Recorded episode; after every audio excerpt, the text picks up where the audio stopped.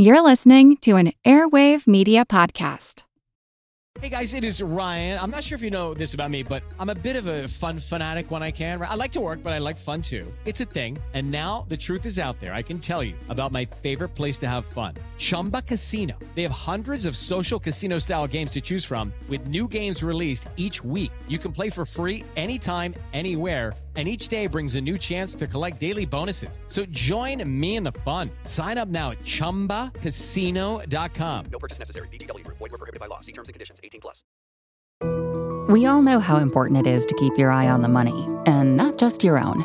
Stay on top of the latest financial and market news with Yahoo Finance, a podcast that releases new episodes almost every day. You'll hear a brief overview of the biggest news in the financial world, all in three minutes or less, right after markets close. Check out Yahoo Finance wherever you get your podcasts. That's Yahoo Finance wherever you get your podcasts.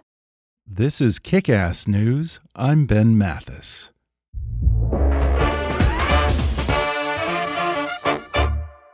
The Skimm invites you to live smarter this election season. Right now, at theskimm.com/debate, you can skim all the candidates' resumes, see their priorities for 2020, and know what to expect before the Dems take the debate stage this week.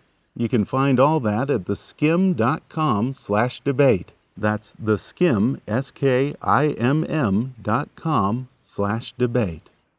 And now, enjoy the podcast. Hi, I'm Ben Mathis. Welcome to Kick Ass News. In 1958, the U.S. Air Force nuked the moon as a show of military force. In 1967, the CIA sent cats to spy on the Soviet government. In 1942, the British built a torpedo proof aircraft carrier out of an iceberg. Of course, none of these things ever actually happened, but for every plan as good as D Day, there's a scheme to bomb a city with toxic goat poop or dig a spy tunnel under the Soviet embassy. In a new book titled Nuking the Moon and Other Intelligence Schemes and Military Plots Left on the Drawing Board, intelligence historian and director of the International Spy Museum, Vince Houghton, proves that abandoned plans can be just as illuminating and every bit as entertaining as the ones that made it. And today I welcome Vince back to the podcast as he takes me on a wild tour of missions and schemes that almost happened, but were ultimately deemed too dangerous, expensive, ahead of their time, or even certifiably insane, including eavesdropping cats, glow in the dark foxes, and one plan to strap incendiary bombs to bats that almost burned down a U.S. Air Force base. Vince reveals some of the CIA's wackier attempts to take out Castro, the Nazi scientist who tried to build a sun gun straight out of a James Bond movie, and the Florida meteorologist who thought it was a good idea to use nuclear weapons to blow up hurricanes. Then, just when you think it couldn't get any crazier, Vince discusses the project that inspired the title of his book, The U.S. Military Plan to Nuke the Moon. Coming up with the International Spy Museum's Vince Houghton in just a moment.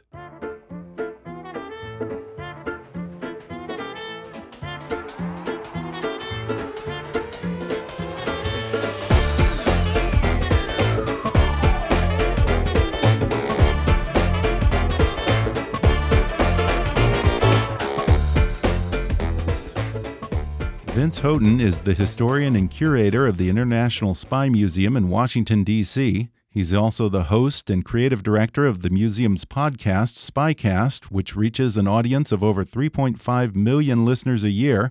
Now he's authored a new book that is at once funny and frightening at the same time. It's titled Nuking the Moon and Other Intelligence Schemes and Military Plots Left on the Drawing Board.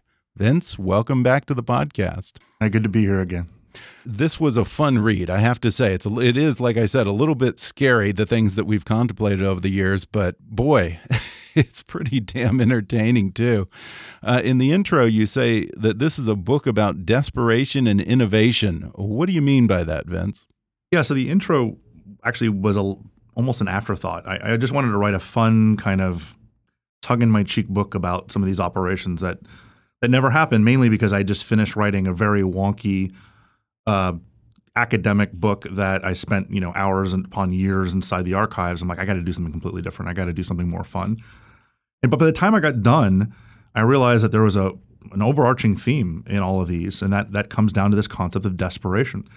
These are all policies, plans, programs, technologies that were developed during either the Second World War or during the Cold War, and where the United States and our allies had true existential threats. And that word gets thrown around a lot. Um, you know, I think the last couple of presidential elections, people like Iran's an existential threat or ISIS. Sorry, they're not. By definition, an existential threat is a threat to our existence. Um, as bad as ISIS is or anyone else, they're not threatening our existence anytime soon. McDonald's will still be there. the difference, of course, is that in World War II, the, the Nazis and the Imperial Japanese were potentially an existential threat, certainly to our way of life. And during the Cold War, the Soviets and their 65,000 nuclear weapons was a true existential threat to the existence of every living thing on the planet. And that that means when we have that kind of desperation trying to come up with a way to fight these kinds of wars, cold or hot or otherwise, we might be willing to innovate in a way that uh, we may look back in hindsight and go, "What what in the world was going on here? What what kind of ideas were these guys coming up with?" And they are they are unbelievable. Certainly, from Yeah. a 2019 perspective, you just laugh at them, but that's that's not what I'm trying to do here. Yeah. I love the way you put this. You say that if necessity is the mother of invention, then desperation is its drunk uncle. yeah, I mean that that that comes down to this idea of, you know, I, the drunk uncle at two in the morning calling you on your birthday once a year. Uh, does this come from my my ba- my past, perhaps? Uh, and saying, "I got this great idea. like this idea is amazing. It's going to make us millionaires. It's going to change the world." And you're Yeah. like, "Buddy, um, it- this is nonsense. no matter how much logic you throw at them, no matter how much." uh, you try to put out the fire inside their inspirational loins, uh, it, it has to work. And it has to work because they're desperate, because there's nothing else that has. And a lot of these programs kind of fall into that, where the normal way of doing things didn't work. We're falling behind in the Cold War, or we're losing the Second World War. And so, very well meaning people were kind of forced to think outside the box. And in this case, we're talking outside the room, the neighborhood, the universe, to come up with ideas that could potentially solve an unsolvable problem. Uh, yeah, and my favorite section deals with crazy animal related projects. Is it safe to say that PETA probably would not approve of many of these ideas? Yeah, it's good. It's a good thing that either a these were kept secret from PETA, or b it didn't exist at the time because, you know, even someone who is not a full fledged animal lover kind of cringes at some of these chapters. The, the the idea that we would be willing to do this to some pretty cute animals. I mean, it's one thing, you know, testing on animals that are kind of ugly, um, but when you're bringing in kitties, you know, and Yeah. and cute little like foxes that are all frisky, you're like, uh, maybe we shouldn't be doing this. This one in particular, you say that you try to insert into every lecture that you give because it has so many lessons and applications. What can we learn from Project Acoustic Kitty? It almost sounds like a band, doesn't it? Yeah, and that's the funny part is this was the official CIA name for it, and um, this tells us a lot about the Cold War and the ability for agencies like the CIA to do almost whatever the hell they wanted to in the name of national security. And it also tells us a lot about problem solving because this was a problem that at the time couldn't be solved, and someone had a pretty bright idea, and, and, and of course it didn't end up being a bright idea, but at the time it seemed reasonable. And really, what it comes down to is we had a hard time making bugs, acoustic listening devices back in the 1960s. And mainly because audio technology at the time was not sophisticated enough to differentiate between the conversation we were trying to listen to and everything else. So if you put a bug on the bottom of a park bench, it would pick up everything and, and it'd pick up dogs barking and the wind blowing and birds chirping and people walking by and all sorts of noises, Okay. including the conversation you're trying to listen to, but not It couldn't exclusively. filter, huh? Yeah, it couldn't filter. The technology at the time just wasn't capable of doing that. And so the CIA decided, all right, well, what if we're able to get something close enough to the conversation without being noticed, and at the same time has a natural biological mechanism for filtering out this ambient noise around it. And instead of trying to create an artificial bug, they went with a natural resource, with in this case a cat, and turned it into a covert listening device. Because uh, what was it? Something like the cochlea is able to filter out that background noise. So you needed to have some kind of biological entity that you could uh, use as a recording device. Huh? Yeah, I mean, so the cochlea. So it's not a crazy magical, idea. It actually seems pretty smart on the face of it. Yeah, sure. I mean, the cochlea is this magical thing inside of our ears and the ears of many animals that essentially through millions of years of evolution has been crafted to allow us to have conversations in loud concerts or bars. Mm-hmm. You know, where you've got music at a million decibels and you're yelling in each other's faces, but you can still understand the conversation. That's something that the CIA had a very hard time artificially creating. And still to this day, again, in their defense, we're still not 100% perfecting the artificial cochlea. There are cochlear implants, there are things that are used now to replace some of sound and hearing loss in people, but they're not even there in 2019.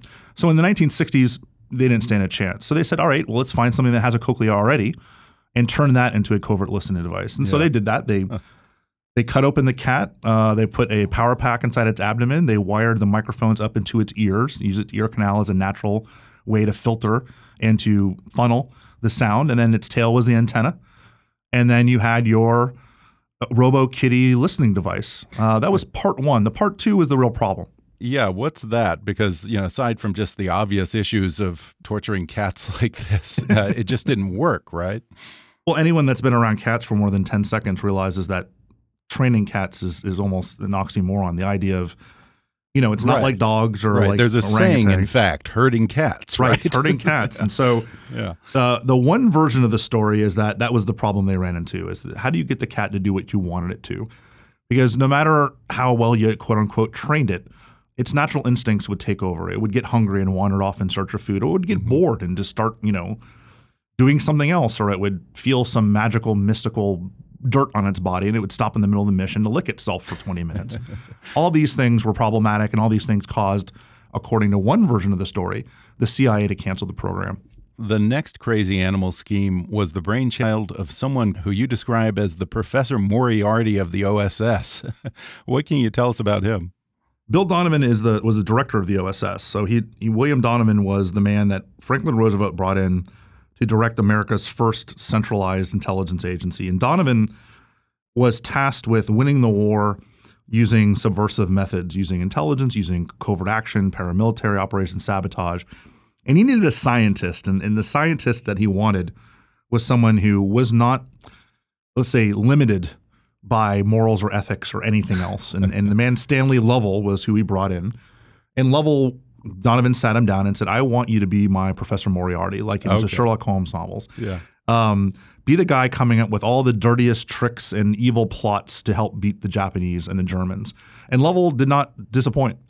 Uh, he came up with some of the most extraordinary ideas, some that actually worked, um, some that didn't work. And then the story I tell is one that never got a chance to work. Yeah. Uh, it was canceled before it actually went into operation. that involved uh, airdropping goat poop laced with biotoxins. Is that right? Yeah, synthetic synthetic goat poop Okay. laced with biotoxins. so yeah, the idea was um, the United States would not be the first country to use biological weapons in World War II if the war was going well. And that's an important caveat.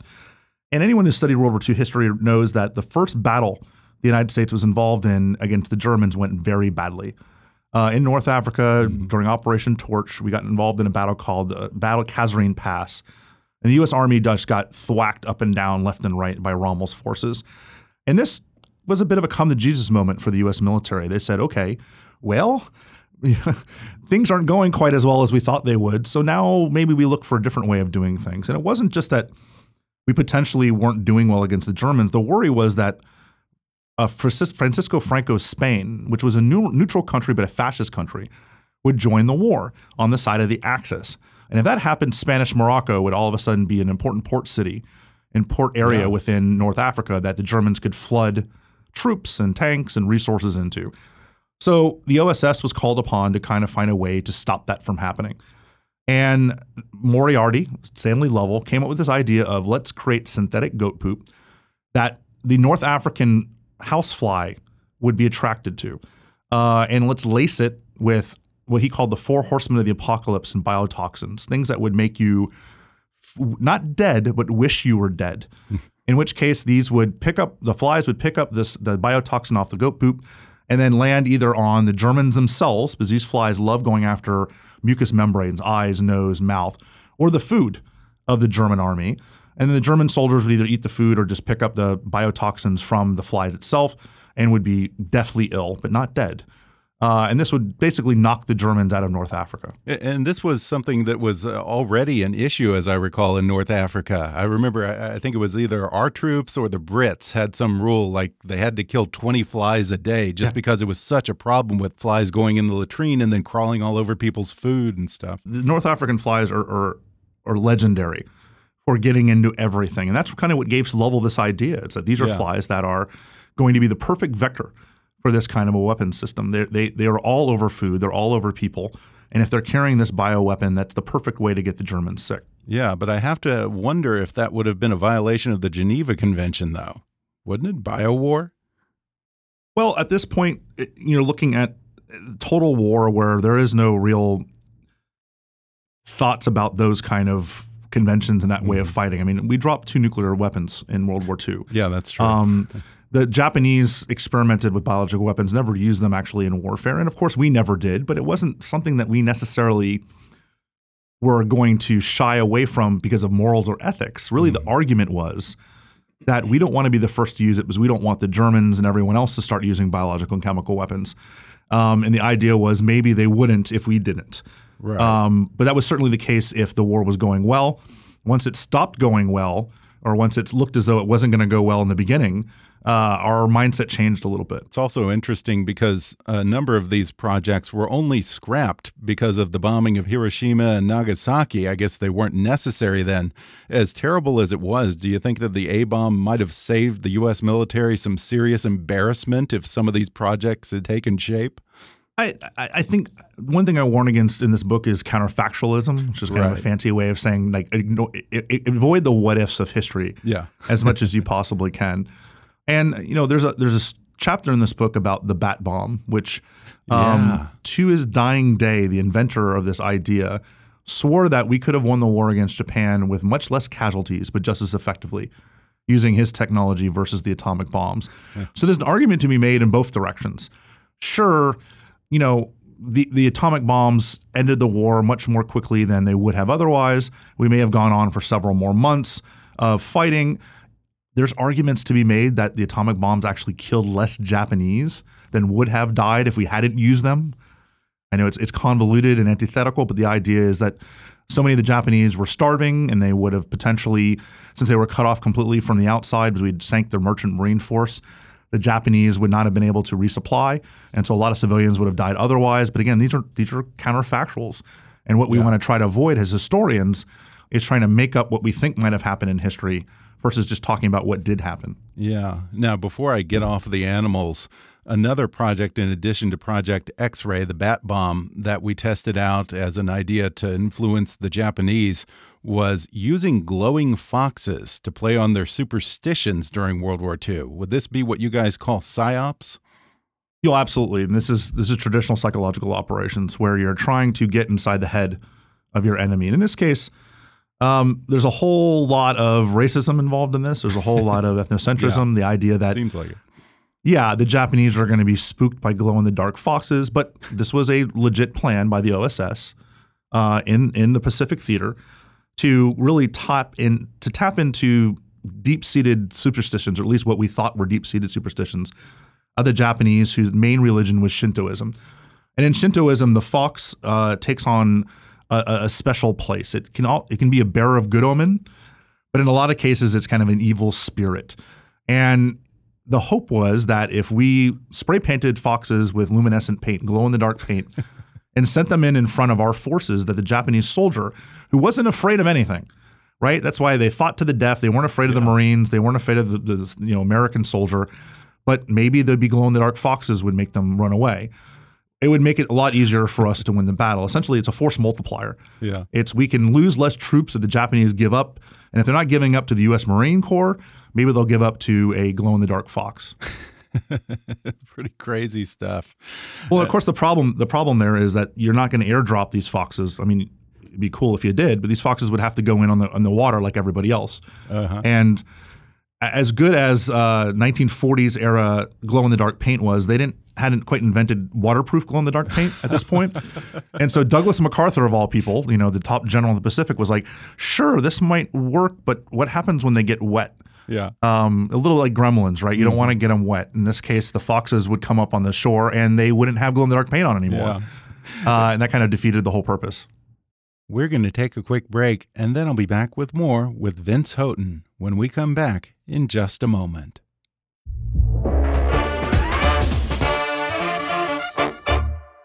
In case you missed it, there's a big presidential election coming up in 2020. The Skimm wants you to live smarter, which means staying informed, registering to vote, and then, when the time comes, showing up at the polls. If you're wondering how many Democrats you can fit into one debate, the answer is a lot.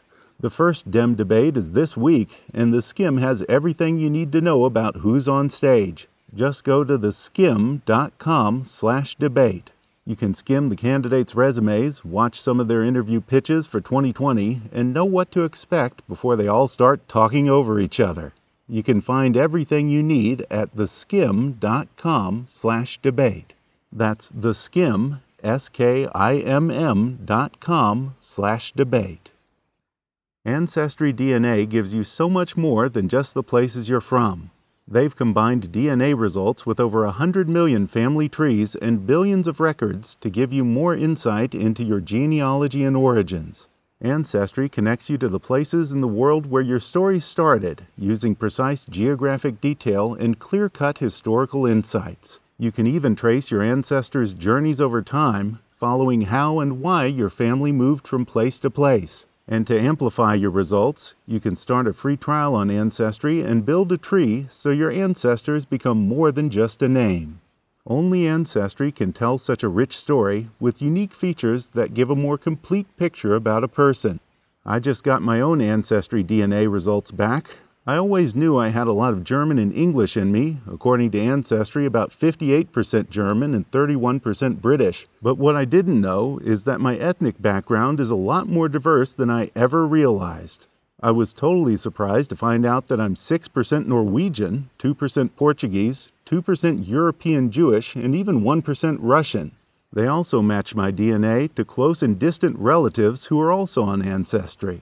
Turns out I have over a hundred different cousins all over the world. Guess I'm going to need a lot more Christmas cards this year. Now Ancestry DNA has set me off on a whole new adventure, and I can't wait to see what else I discover on my own family tree. Go to ancestry.com/kick today for 20% off your Ancestry DNA kit. That's ancestry.com/kick for 20% off your Ancestry DNA kit ancestry.com slash kick.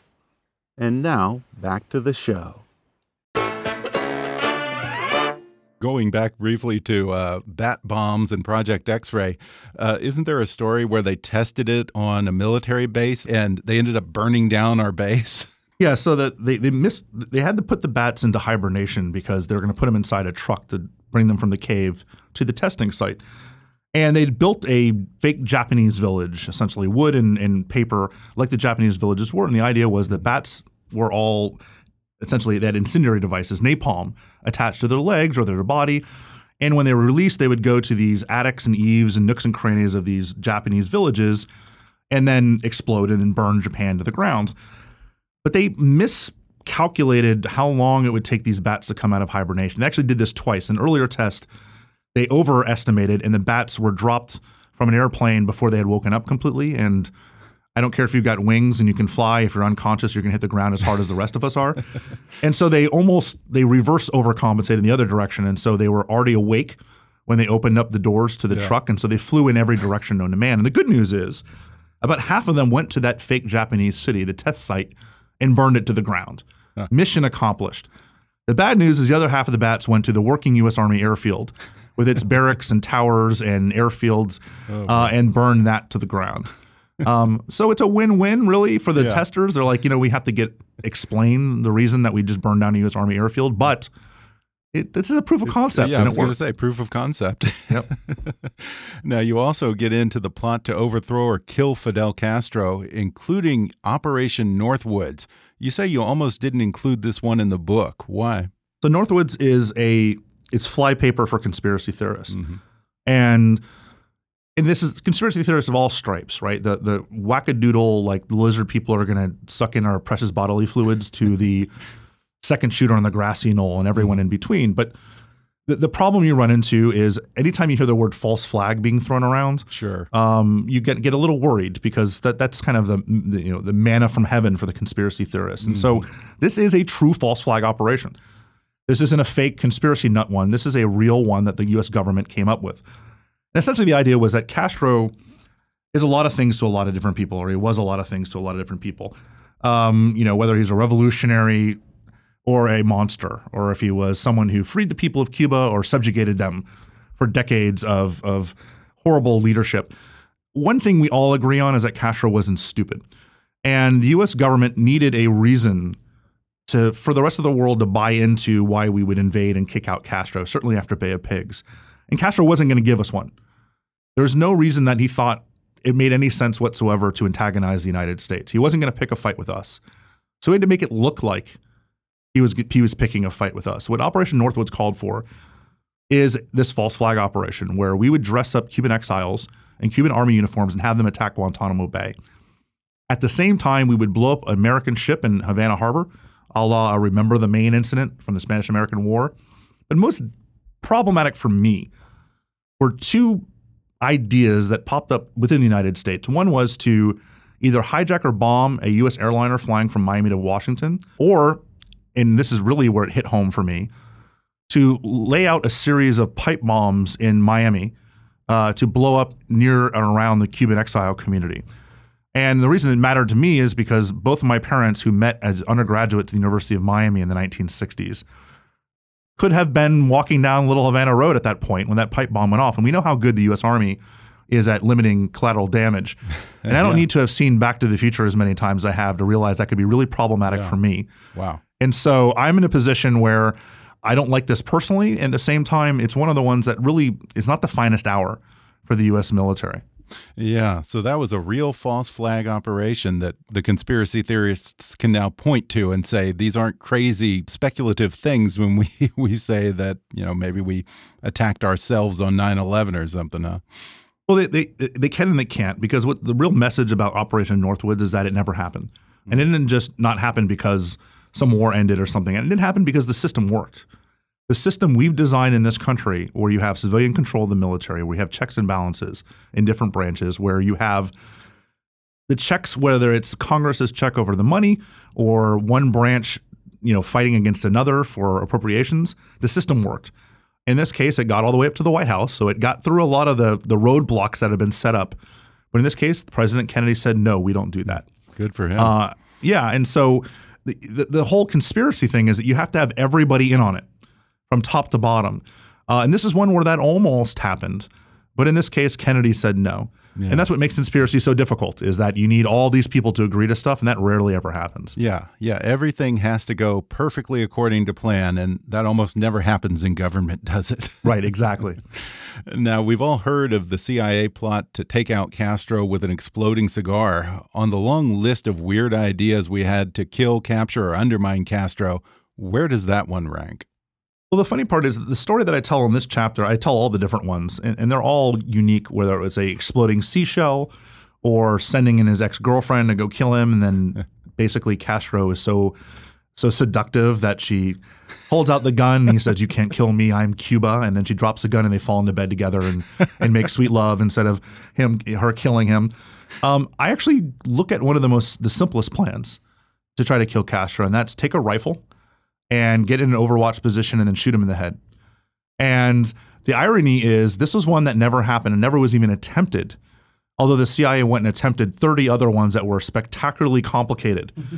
and, and they just went off and uh, tried everything from, again, from exploding cigars to thallium salts in his shoes, which I thought was one of my favorite ones. The idea thallium salts are essentially what you would find in like a Nair hair care, you know, like a hair Oh, removal yeah. product Okay. with with the idea that he put his shoes out every night to get them shined, and then in the morning he'd wake up, put the shoes on, and it would make his beard fall out. And the, the CIA thought that the the Cubans looked at Castro with this like, like machismo, Yeah, and this yeah. Cuban like, well, like apparently it worked, right? The woman we sent like fell into bed with him because of this machismo, but. uh, That if his beard fell out, they'd stop following him because he wasn't the beard anymore. All of these plans were tried in one way or another. And the simplest of all, a rifle, a bullet, his forehead was never attempted. Although we did, the, the chapter talked about the fact that we did have a volunteer, and they tried to get him into Cuba, and it was just unable to do so. Okay. So it didn't work because we just couldn't get a guy with a rifle into the country, huh? Well, which is ironic since it's an island. I don't know why Yeah. it's so difficult to get somebody inside Yeah, an island. true. It's not like there's only one port of entry. It's everywhere is the port of entry. Yeah. Uh, some of these ideas, such as weaponizing a tsunami or building an iceberg boat, sound like the kind of diabolical plans hatched from a James Bond villain. And I believe that there's actually one here that is straight out of a Bond movie The Sun Gun. This is something that was seriously developed, right? Yeah, and, and I almost didn't include this one also because it's the Nazis, right? And, and most of the chapters, you, you have some empathy or Yeah. at least some sympathy for those scientists and engineers and others who are working on these projects and kind of the red tape they got to deal with. I didn't really want anyone to feel any empathy for the Nazis, so it was a little tricky to include this one. Um, but this was again, there's a there's a James Bond movie with a with Icarus, which was a satellite that had Right. that harnessed the power of the sun and blasted the DMZ. In this case, it was the boy a dumb plot twist. The idea if you have the power of the sun and the only thing you care about is North Korea invading South Korea, uh, go for it. But whatever, that was the plot. But that was from a true Nazi program where they did some serious research and they expended some serious resources to try to develop a way to harness the power of the sun to essentially vaporize their enemies um, here on Earth. Um, and one of the men who was responsible for it, the guy who had the plan for it, would actually go on later to work on the American space program as Wernher von Braun's assistant. He was actually Wernher von Braun's teacher at one point, uh, and then von Braun kind of took, you know, became more prominent, and then kind of flipped around the other way. So this is not a wackadoodle. This is not some crazy guy. This is somebody who helped us get to the moon. But his idea at the time was to build this death ray. Well, he wouldn't call it a death ray. Actually, he thought the Germans, and this is kind of talk about the, kind of how naive he was. This would be a wonderful way to make sure that places on Earth would always have sun if they wanted to grow crops, or if there was a flood, you could actually vaporize the water, and so the floodwaters would go down. It's like this is all peaceful purposes, Mister Hitler. Um, as long as you do that, we're all good. And of course, the Germans look, took one look at it and said, "Uh huh, peaceful, right?"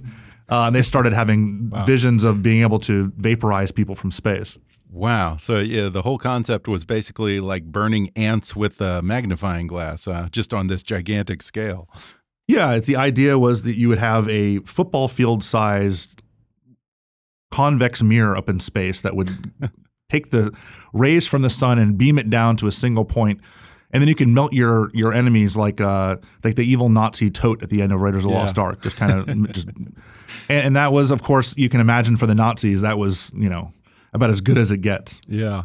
And you discuss a number of Cold War era programs that either used nukes or were meant to guard against hostile nukes from another country, particularly the Soviet Union. Boy, talk about acting out of desperation. Did the threat of nuclear war take things to a whole new level of insanity?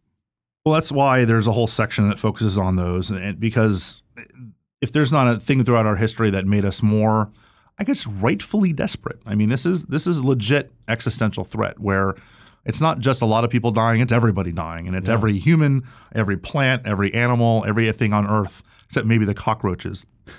Um, and so there's reason for us to be a little freaked out about it. And, and then in that case, we came up with some extraordinary ideas to try to mitigate the damage that could be done to the United States, but also to find ways uh, to even use nuclear weapons for quote unquote peaceful purposes, to try to justify their existence beyond just killing everybody on Earth. Yeah. There were actually attempts to harness nuclear weapons for peaceful purposes, such as excavating, mining, underground engineering, but leave it to your home state of Florida to come up with the idea to nuke a hurricane.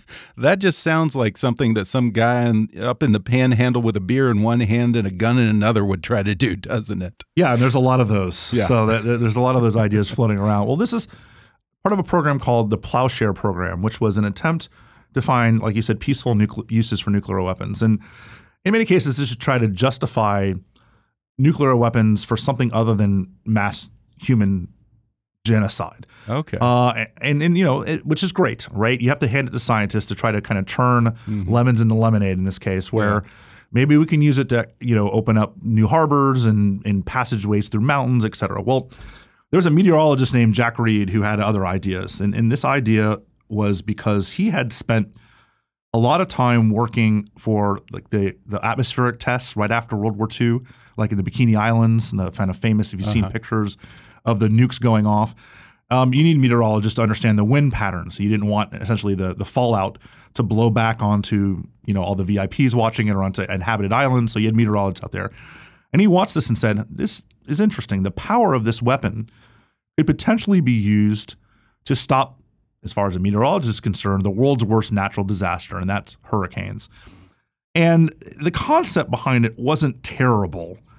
Um, the problem was scientifically it didn't make a lot of sense. He wanted to his plan A was to launch nukes into the middle of a hurricane to try to blow out the eye. Essentially to disrupt the eye of a hurricane to prevent the circulation that makes it so powerful. Okay. Most likely that wouldn't have worked because each hurricane has the power of like 100 million nuclear weapons inside of it. Plan B, I- I've actually talked to people who say that Plan B might have had a possibility of working. In this case, it was to explode weapons on the outskirts, on the outside of the, the hurricane, to try to sh- get it to shift its direction, its trajectory. Hurricanes tend, if you ever watch a, a map, they go westward, like toward Florida, and then a lot of them will just cut straight north. And that's kind of a natural because of the the Florida Straits and because of the way the water and the water patterns and the weather patterns work. Reed was like, what if we can get it to cut north earlier? What if we can get it to never get to land? It will it will just kind of go out into the middle of the Atlantic Ocean and peter out, and then no people are actually going to be harmed by it. So his idea was to detonate a very large, and we're talking in the megaton range, nuclear weapon either on one side of a hurricane or on both sides to try to get it to turn faster. The problem was the only way to test his theory was actually do his theory. Um, and then most people were a little hesitant about the potential of this not working, which meant that maybe Miami gets hit by a category four hurricane that's not just wind blowing and rain, but it's radioactive wind and rain blowing at 200 miles an hour. Um, so people were a little hesitant to do this. But the fun part about this, again, talking about my home state, is there's uh, NOAA, the the the webs the the organization that does weather and atmospherics for the U.S. government, um, has a frequently asked questions page on their website. And a lot of them are about like things like lightning strikes and about, you know, tornadoes. Well, there's a frequently asked question on there right now where someone says, Can we use nuclear weapons to blow up hurricanes? In 2019. Um, now, what's wonderful about FAQs is that first word is frequently, which means it's not just one guy who sent in this. It's a lot of people Yeah. who send in this message. So Jack Reed was on to something at least, at least the cultural zeitgeist of people thinking this was a good idea. Well, I have to ask about the project that gave you the title of the book, Project A119, the plan to nuke the moon. First off, why would anyone ever want to nuke the moon? What's the point of that? Well, the project came up right after Sputnik.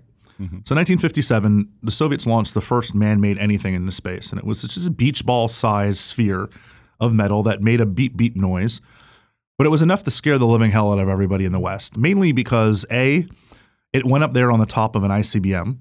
So if you can launch Sputnik into space, you could put a nuke on the top of this missile and have it come down on us. But in a bigger picture, kind of diplomatic sense, it scared us because it sent a message to the rest of the world. The message was the Soviets had not only caught up with or potentially overtaken the United States in science and technology, and we had always enjoyed the lead. We had, we had enjoyed the lead since the beginning of the 20th century when the Wright brothers flew at Kitty Hawk. We had built the atomic bomb during World War II. We had built the incandescent light bulb. We were chocolate chip cookies, microwave popcorn, the Etch a Sketch. Like we were, we were the scientific and technological wonders of the world. Now, why did that matter during the Cold War? Well, it mattered because the developing world, Latin America, Africa, East Asia, the Middle East, we're looking toward either the U.S. or the Soviets as who are we going to follow? Who do we actually want to side up with? And that was the real battle of the Cold War. It's recruiting the developing world.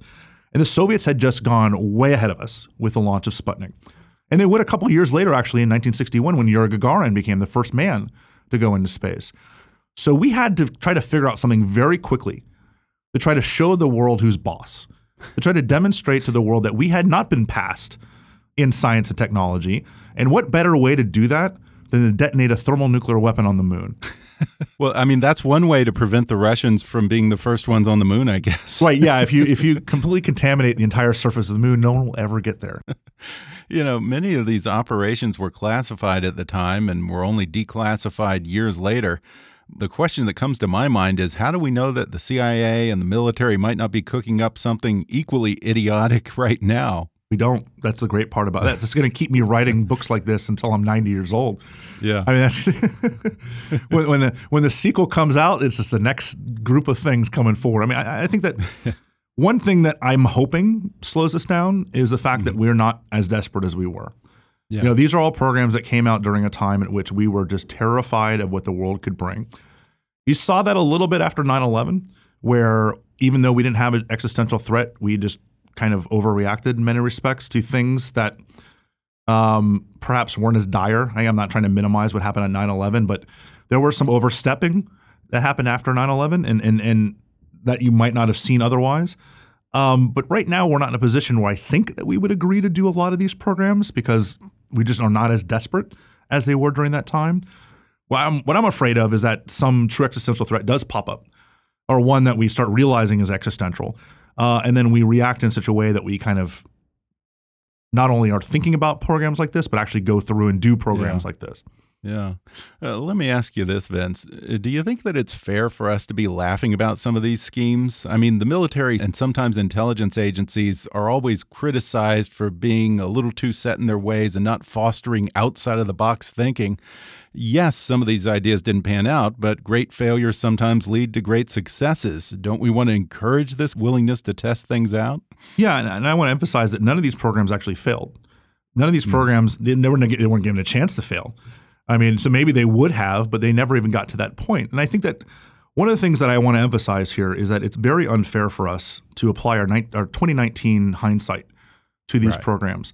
I, I- I say that right in the beginning of the introduction. I, I, I, the knee jerk reaction to all these stories is to think about these people and go, what were they thinking? I want you to ask that same question, but not that way. I want you to ask it hmm. without that kind of snarkiness to it. I want you to go, what were they thinking? What were the mindset of the people who were working on these programs at the time? What were they afraid of? What were they worried about? What problems were they trying to solve? Because that's the only way we can actually learn from history. I, I, you know, historians all the time look at what we call outcome history, where it's like, let's figure out whether or not it was good or bad by what happens, the outcome. I think that's a complete waste of time. I think that we're we're doing a disservice to ourselves. We're doing a disservice to those historical actors by only looking at outcome. Um, I argue the opposite. I argue it's about intent, what we tried to do. Sometimes outcome is not up to us. Sometimes outcome is up to something else. It's up to the gods. It's up to weather. It's up to what the other guy does. So it doesn't really matter whether or not it worked or not. It matters what we intended to do. And and in my in this case, this is a book full of those things. Yeah, it's a very entertaining read and completely fascinating. Before we go, what would you want today's leaders in Washington to take away from this book? I, I didn't write this necessarily for that in mind. I'm a historian, and they, they really kind of give us the side eye when we try to insert ourselves into contemporary politics. but in many cases, I, I think that there are there are times when we need to kind of take a deep breath, hmm. and that's really what this book says to do. Is is we're we're desperate. We try to do things. We try to do things quickly. We try to do things with expediency. And there are times when probably it would have worked out better if we had just taken a deep breath and thought about things before we jumped in and acted. Um, we don't do that very often today. Everything is immediate. Um, Or and if you try to ponder something, people say, "Why haven't you made a decision yet?" And you get pressure, and uh, the, you know the 24-hour news cycle and et cetera. Everything else doesn't help this. But it used to be where when we made foreign policy decisions, we thought about them. We, we pondered them. We, we ta- brought in experts and had conversations. We weren't doing it through Twitter, and I don't, you know, I, the current president is a great example of this, but I can't imagine he's going to be the last president to govern through Twitter. So it, it sounds like it's a pot shot at him, but it's not. He's just the first to do this. Um, and we don't do it in 20, 240 character bytes, right? This should be thoughtful. Uh, and these programs were thoughtful to a degree, but I think when people started really thinking about them is when they said, oh, no, we probably should think about things in a different way. Well, once more, the book is called Nuking the Moon and Other Intelligence Schemes and Military Plots Left on the Drawing Board. Vince Houghton, thanks so much for talking with me. Happy to be here.